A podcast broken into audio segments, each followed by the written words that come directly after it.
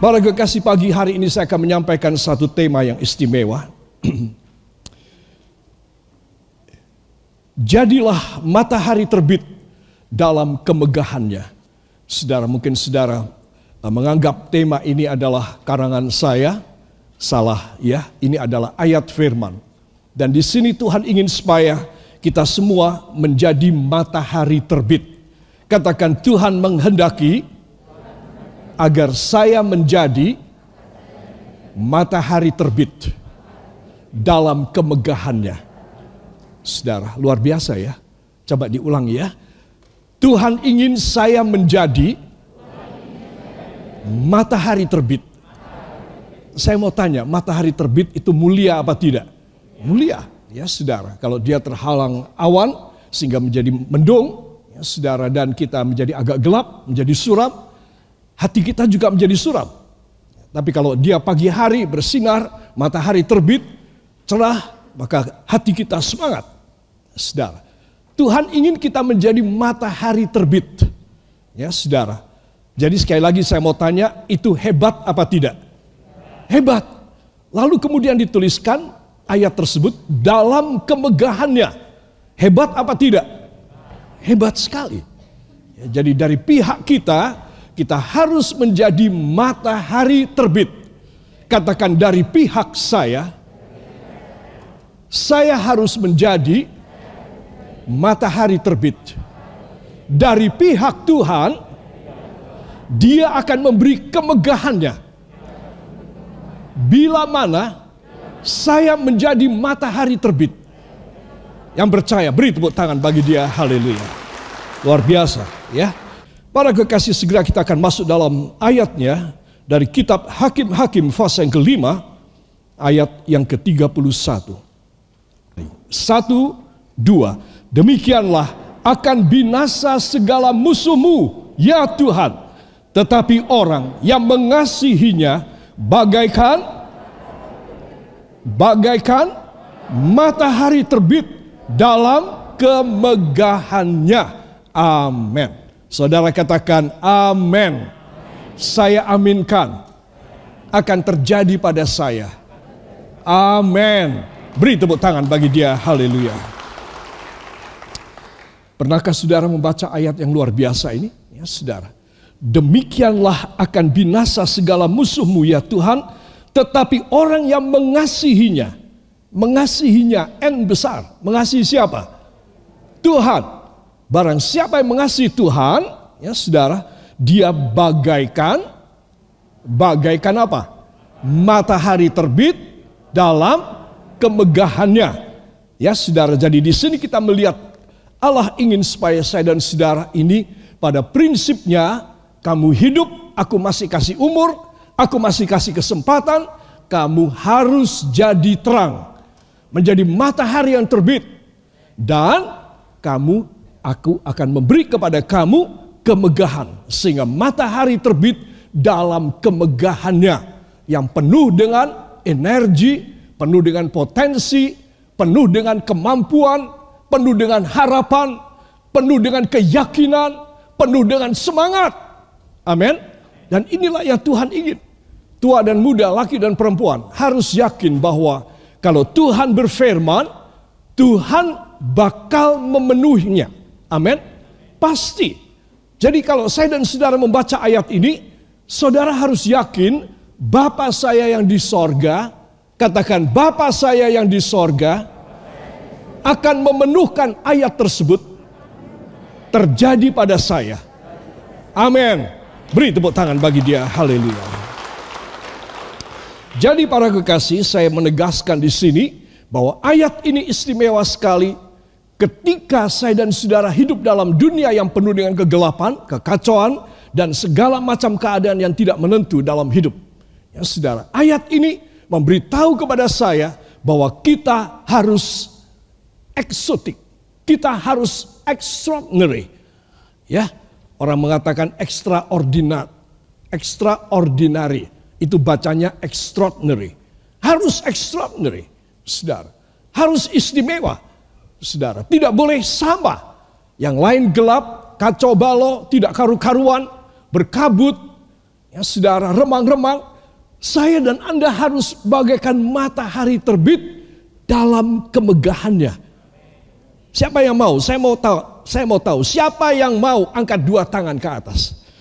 Katakan Tuhan Yesus, saya mau jadikan saya matahari terbit dalam kemegahannya demi nama Yesus yang telah berjanji dari sejak perjanjian lama sampai detik ini sampai selamanya.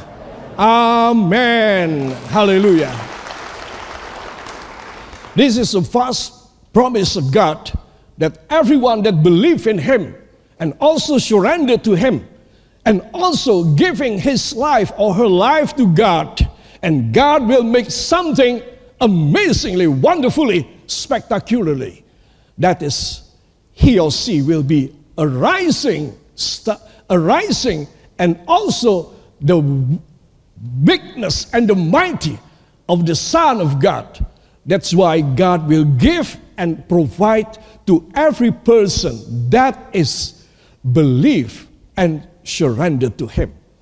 Saudara, itu sebab tidak ada cara yang lain yang kita mau cari dalam dunia. Ah, aku ingin megah, aku ingin istimewa, Aku ingin mendapat jaminan yang luar biasa. Aku ingin hebat sekali namaku luar biasa seperti uh, seperti bintang-bintang film atau sebagai orang-orang yang luar biasa ya yang terkenal ya saudara para pesohor tidak saya dan saudara bukan di bidang itu kita di bidangnya adalah matahari terbit katakan saya bidangnya adalah matahari terbit bukan sekitar. Ya, saudara. Nah, jadi kalau saya dan saudara kita bidangnya di dalam matahari terbit, ya saudara, itu kita punya entitas, kita punya domain, kita ada di sana, kita ada di situ. Matahari terbit, saudara, maka Tuhan akan memberi kemegahannya kepada kita. Dan saya yakin kita menjadi matahari terbit dalam kemegahannya. Amin. Sekali lagi, siapa yang sadar dan tahu dan ngerti ayat ini, beri tepuk tangan yang baik bagi dia. Haleluya. Para kekasih, mari coba kita akan tengok bersama. Saudara, disebutkan di sana, demikianlah akan binasa segala musuhmu ya Tuhan. Teruskan, tetapi orang yang mengasihinya, orang yang mengasihinya Terus kepada siapa itu sifat, itu keadaan, itu kondisi, itu keistimewaan matahari terbit diberikan Tuhan kepada orang yang titik-titik yang mengasihinya. Saudara. Jadi jelas sekali kalau saya tidak mengasihi Tuhan, saudara tidak mengasihi Tuhan, kita tidak dapat perjanjian ini. Ya, saudara, dan ini penting sekali karena Tuhan ingin memberikan sesuatu yang dunia tidak bisa memberi. Katakan, Tuhan ingin memberi kepada saya apa yang dunia tidak bisa memberi. Kali ini Tuhan mau memberi kepada saya tangan saudara. Tuhan mau memberi kepada saya matahari terbit dalam kemegahannya. Luar biasa Amin. Beri tepuk tangan bagi dia. Haleluya. Jadi saya ingin saudara semua semangat ya untuk menerima hal yang luar biasa ini. Tengok samping saudara kiri dan kanan katakan semangat ya. Karena ini luar biasa. Amin. Dan saya yakin saudara-saudara akan menerima anugerah yang luar biasa. Saudara, matahari terbit dalam kemegahannya. Saudara, mari kita akan membuka beberapa ayat dari Mazmur 84 Mazmur 84 ayat 12 dan ayat 13. Kitab Mazmur pasal yang ke-84 ayat 12 dan ayat 13. Kita akan baca di sini lebih dahulu. Satu, dua. Sebab Tuhan Allah adalah adalah matahari dan perisai kasih dan kemuliaan ia berikan. Ia tidak menahan kebaikan dari orang yang hidup tidak bercela. Ya Tuhan semesta alam, berbahagialah manusia yang percaya kepadamu. Amin. Luar biasa. Kenapa kita bisa dijadikan matahari terbit? Sebab Tuhan adalah matahari. Amin. Sebab Tuhan Allah adalah matahari dan perisai. Makanya saya dan Anda dijadikan matahari terbit. Amin. Amin. Beri tepuk tangan yang baik bagi dia. Jadi kita ini ada patronnya, kita ada polanya, kita ada teladannya, kita ada contohnya, kita ada sumbernya.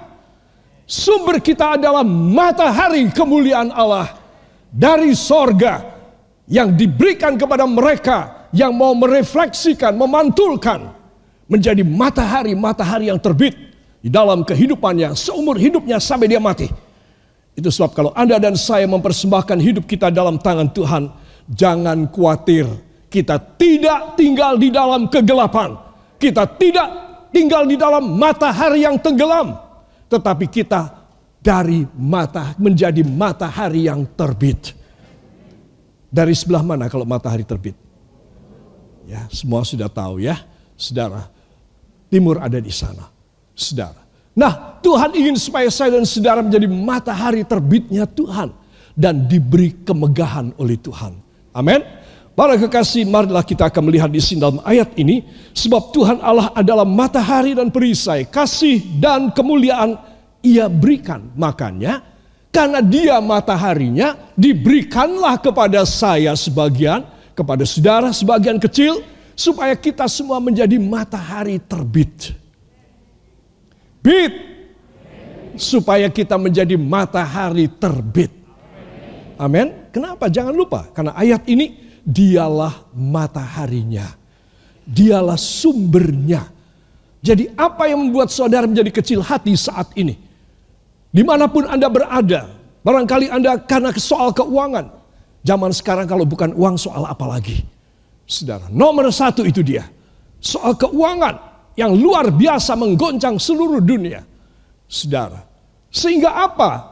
Sehingga orang-orang menjadi kecil hatinya menjadi suram, menjadi padam, seperti matahari yang tenggelam.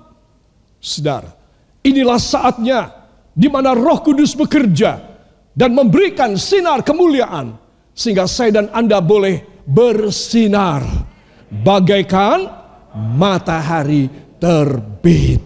Amin. Luar biasa. Coba, luar biasa kalimat yang kedua. Ia tidak menahan titik-titik kebaikan. Dia tidak menahan kebaikan. Katakan Tuhan tidak menahan kebaikan kepada saya. Tuhan tidak menahan kebaikan kepada saya. Melainkan memberikan kepada saya. Saudara luar biasa ya. Jadi kalau saudara merasa suami atau istri atau anak atau orang tua mengecewakan dan tidak memberikan kebahagiaan atau tidak memberikan sukacita, saudara merasa kecewa sekali hidup. Kenapa saudara tidak memandang kepada Tuhan? If any time, at that set moment in your life, in your experience, in your history in this life, you feel so grief, you feel so sad, you feel so, so drawn because someone, maybe your wife, your husband, your children, your parents as well, make you grieving, menjadi sedih. Why not? You look at Jesus Christ. He is the sun, mataharinya.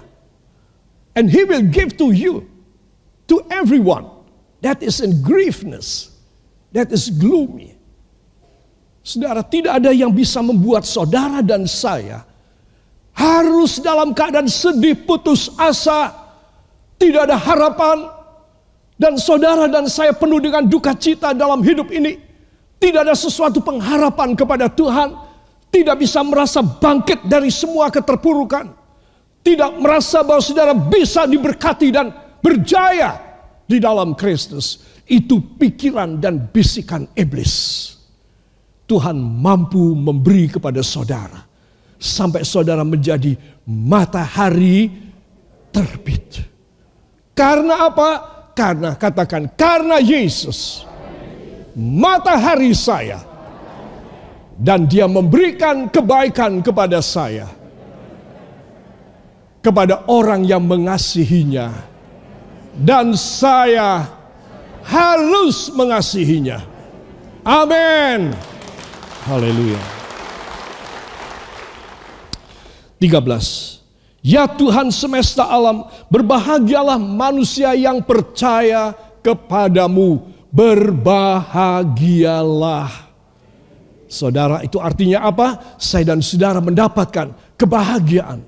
Saudara tidak bisa mendapat dalam dunia.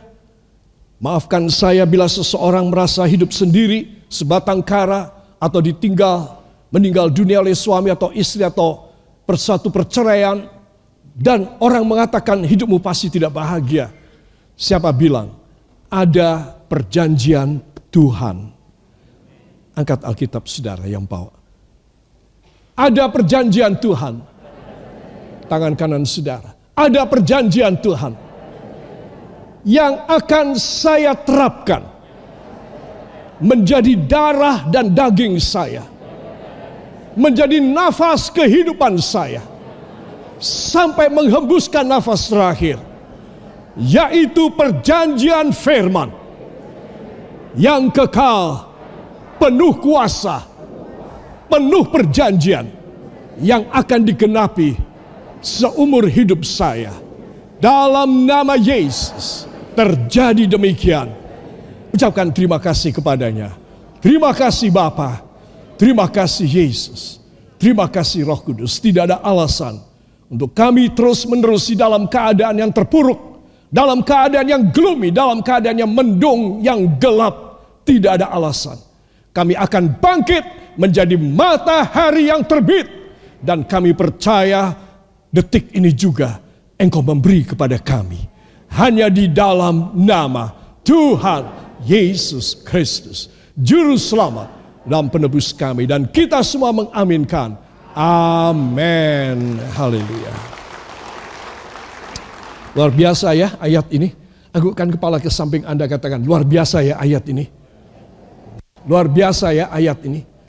Ya, saudara, luar biasa berarti tidak biasa. Tuhan ingin memberikan sesuatu yang extraordinary, yang amazing, yang wonderful dalam hidup kita. Ya, para kekasih, saya akan menunjukkan pada saudara dari ayat yang kita baca, orang yang mengasihinya adalah orang yang ada dekat dengan Allah. Amin. Ya, tadi kita sudah baca. Dan dekat dengan kemegahannya. Kalau dekat dengan Allah tidak dekat dengan hukuman.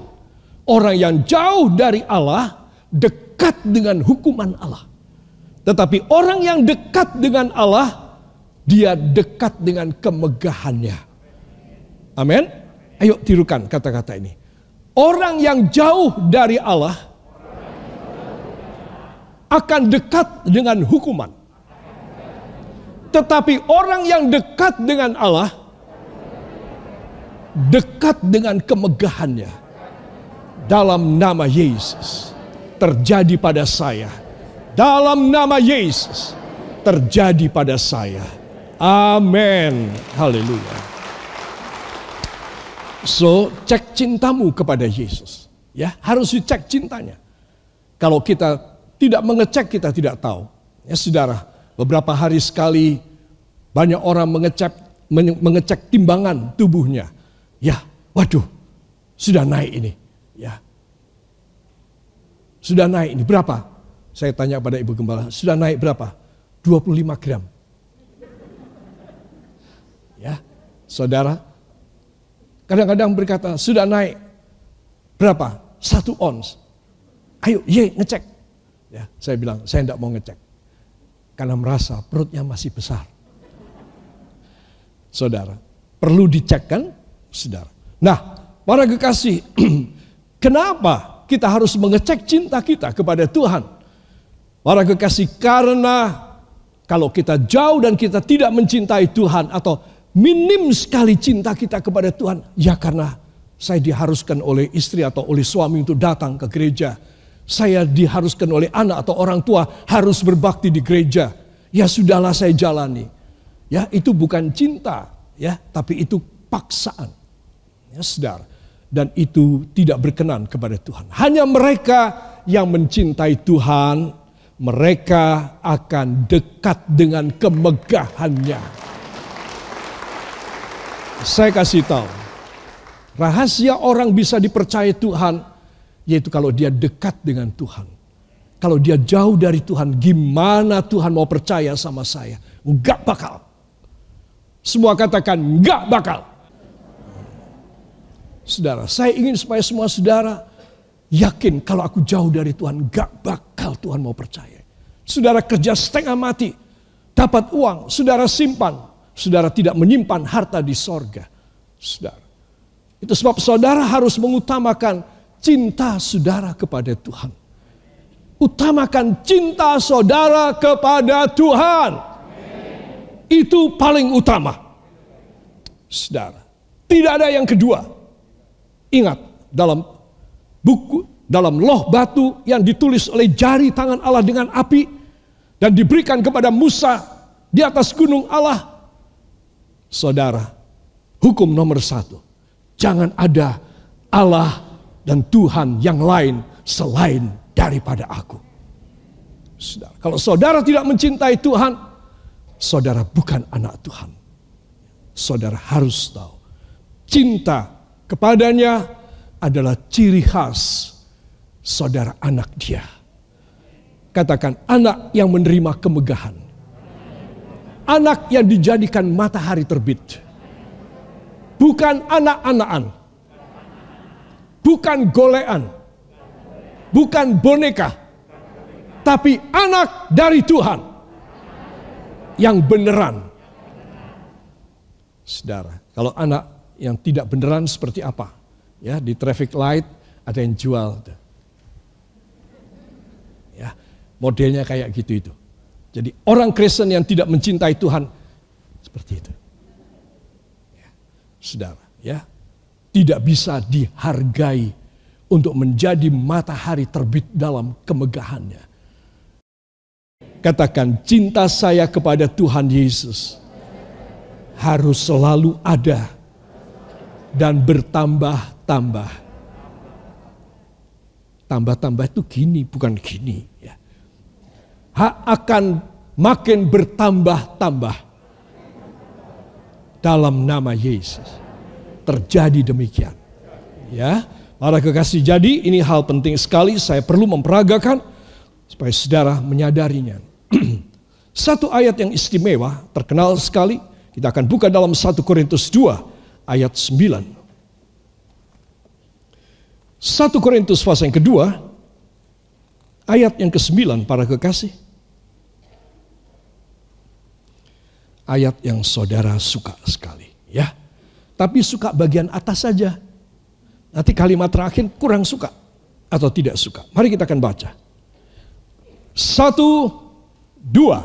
Tetapi seperti ada tertulis, apa yang tidak pernah dilihat oleh mata dan tidak pernah didengar oleh telinga dan yang tidak pernah timbul di dalam hati manusia semua yang disediakan Allah untuk mereka yang untuk mereka yang untuk mereka yang mengasihinya saudara lihat jadi apa yang disediakan yang istimewa, yang belum saudara lihat. Kalau saudara sudah lihat, saudara, maka saudara bisa berpikir untuk mendapatkannya. Ini saudara belum pernah lihat, belum pernah dengar, belum pernah muncul dalam hati saudara. Adalah sesuatu yang bukan hanya misterius, tetapi sesuatu yang great, yang spektakuler yang dahsyat, yang luar biasa. Itu yang belum muncul dalam pikiran dan hati saudara. Ya, bisa nangkap ayat ini? Jadi apa yang disediakan Tuhan disiapkan Tuhan, sudah disediakan. Katakan, sudah disediakan oleh Tuhan bagi saya. Bila mana, bila mana, bila mana saya mengasihinya. Saudara ya, mengasihi dan kegiatan itu beda. Saudara boleh aktif di gereja ini, di gereja mana pun, tetapi saudara tidak mengasihi Tuhan nol sama sekali. Tidak ada harga, hampa apa yang saudara kerjakan. Percuma. Saudara. Mengasihi Tuhan berarti saudara sungguh harus total kepadanya. Saudara memang mengasihinya sampai saudara mati dan itu cinta saudara membawa saudara masuk dalam kerajaan sorga. Saudara. Tapi kalau orang hanya giat saja melayani Tuhan. Rajin, setia, penuh dengan pengorbanan, tapi tidak ada cinta. Surat Korintus mengatakan, kamu seperti gong yang berbunyi nyaring. Punya gong enggak kita? Oh enggak punya. Ya. Saudara tahu gong ya? Pada peresmian, kalau pada peresmian itu dalam satu gedung, lalu presiden atau menteri Pakai sirene atau pakai gong? Ya kalau sirene menakutkan, malah lari semua. Pakai gong. Kalau saya pukul, saudara bunyi ya gongnya ya. Dengan ini saya meresmikan pembukaan musyawarah kerja nasional titik-titik-titik. Hebat sekali ya. Padahal nggak latihan loh. Ya, kok yo iso persis ngono lho. Dengan ini saya meresmikan ya. Gongnya yang sama jangan gong gong. Gong ya. Gong biasanya ya agung ada di sini? Ya. Biasanya gong. Dengan ini saya meresmikan secara resmi pembukaan musyawarah nasional musyawarah kerja nasional.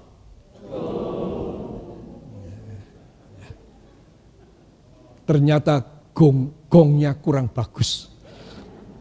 Pasti bukan buatan Solo. Para kekasih perhatikan. Jadi kamu seperti gong yang saudara tadi katakan itu loh. Gong ya. Nah, jadi kamu itu cuma satu lempengan, baja, ataupun tembaga atau kuningan yang dilekuk yang ditempa lekuk dan dipukul gong yang berbunyi nyaring. Karena kamu cuma di mulut aja, di kegiatan aja. Kamu tidak betul-betul mencintai Tuhan. Kamu seperti gong yang berbunyi nyaring. Paulus mengatakan, sekalipun aku menyerahkan diriku dibakar, dibakar. Jadi Paulus bakar. Tidak digoreng. Tapi jadi Paulus bakar. Sekalipun aku menyerahkan diriku dibakar untuk Tuhan. Aku seperti gong yang berbunyi nyaring. Karena aku tidak mengasihi Tuhan. Saudara, mengerti? Jadi orang harus berbakti dan melayani dengan cinta kepada Tuhan. Barang siapa mencintainya, barulah Katakan bila mencintai kepada Tuhan Yesus, barulah hal-hal yang spektakuler di luar jangkauan pikiran saya sudah sedia buat saya. Sudah sedia buat saya. Saya tinggal menerima pada waktunya Tuhan. Gratis. Amin.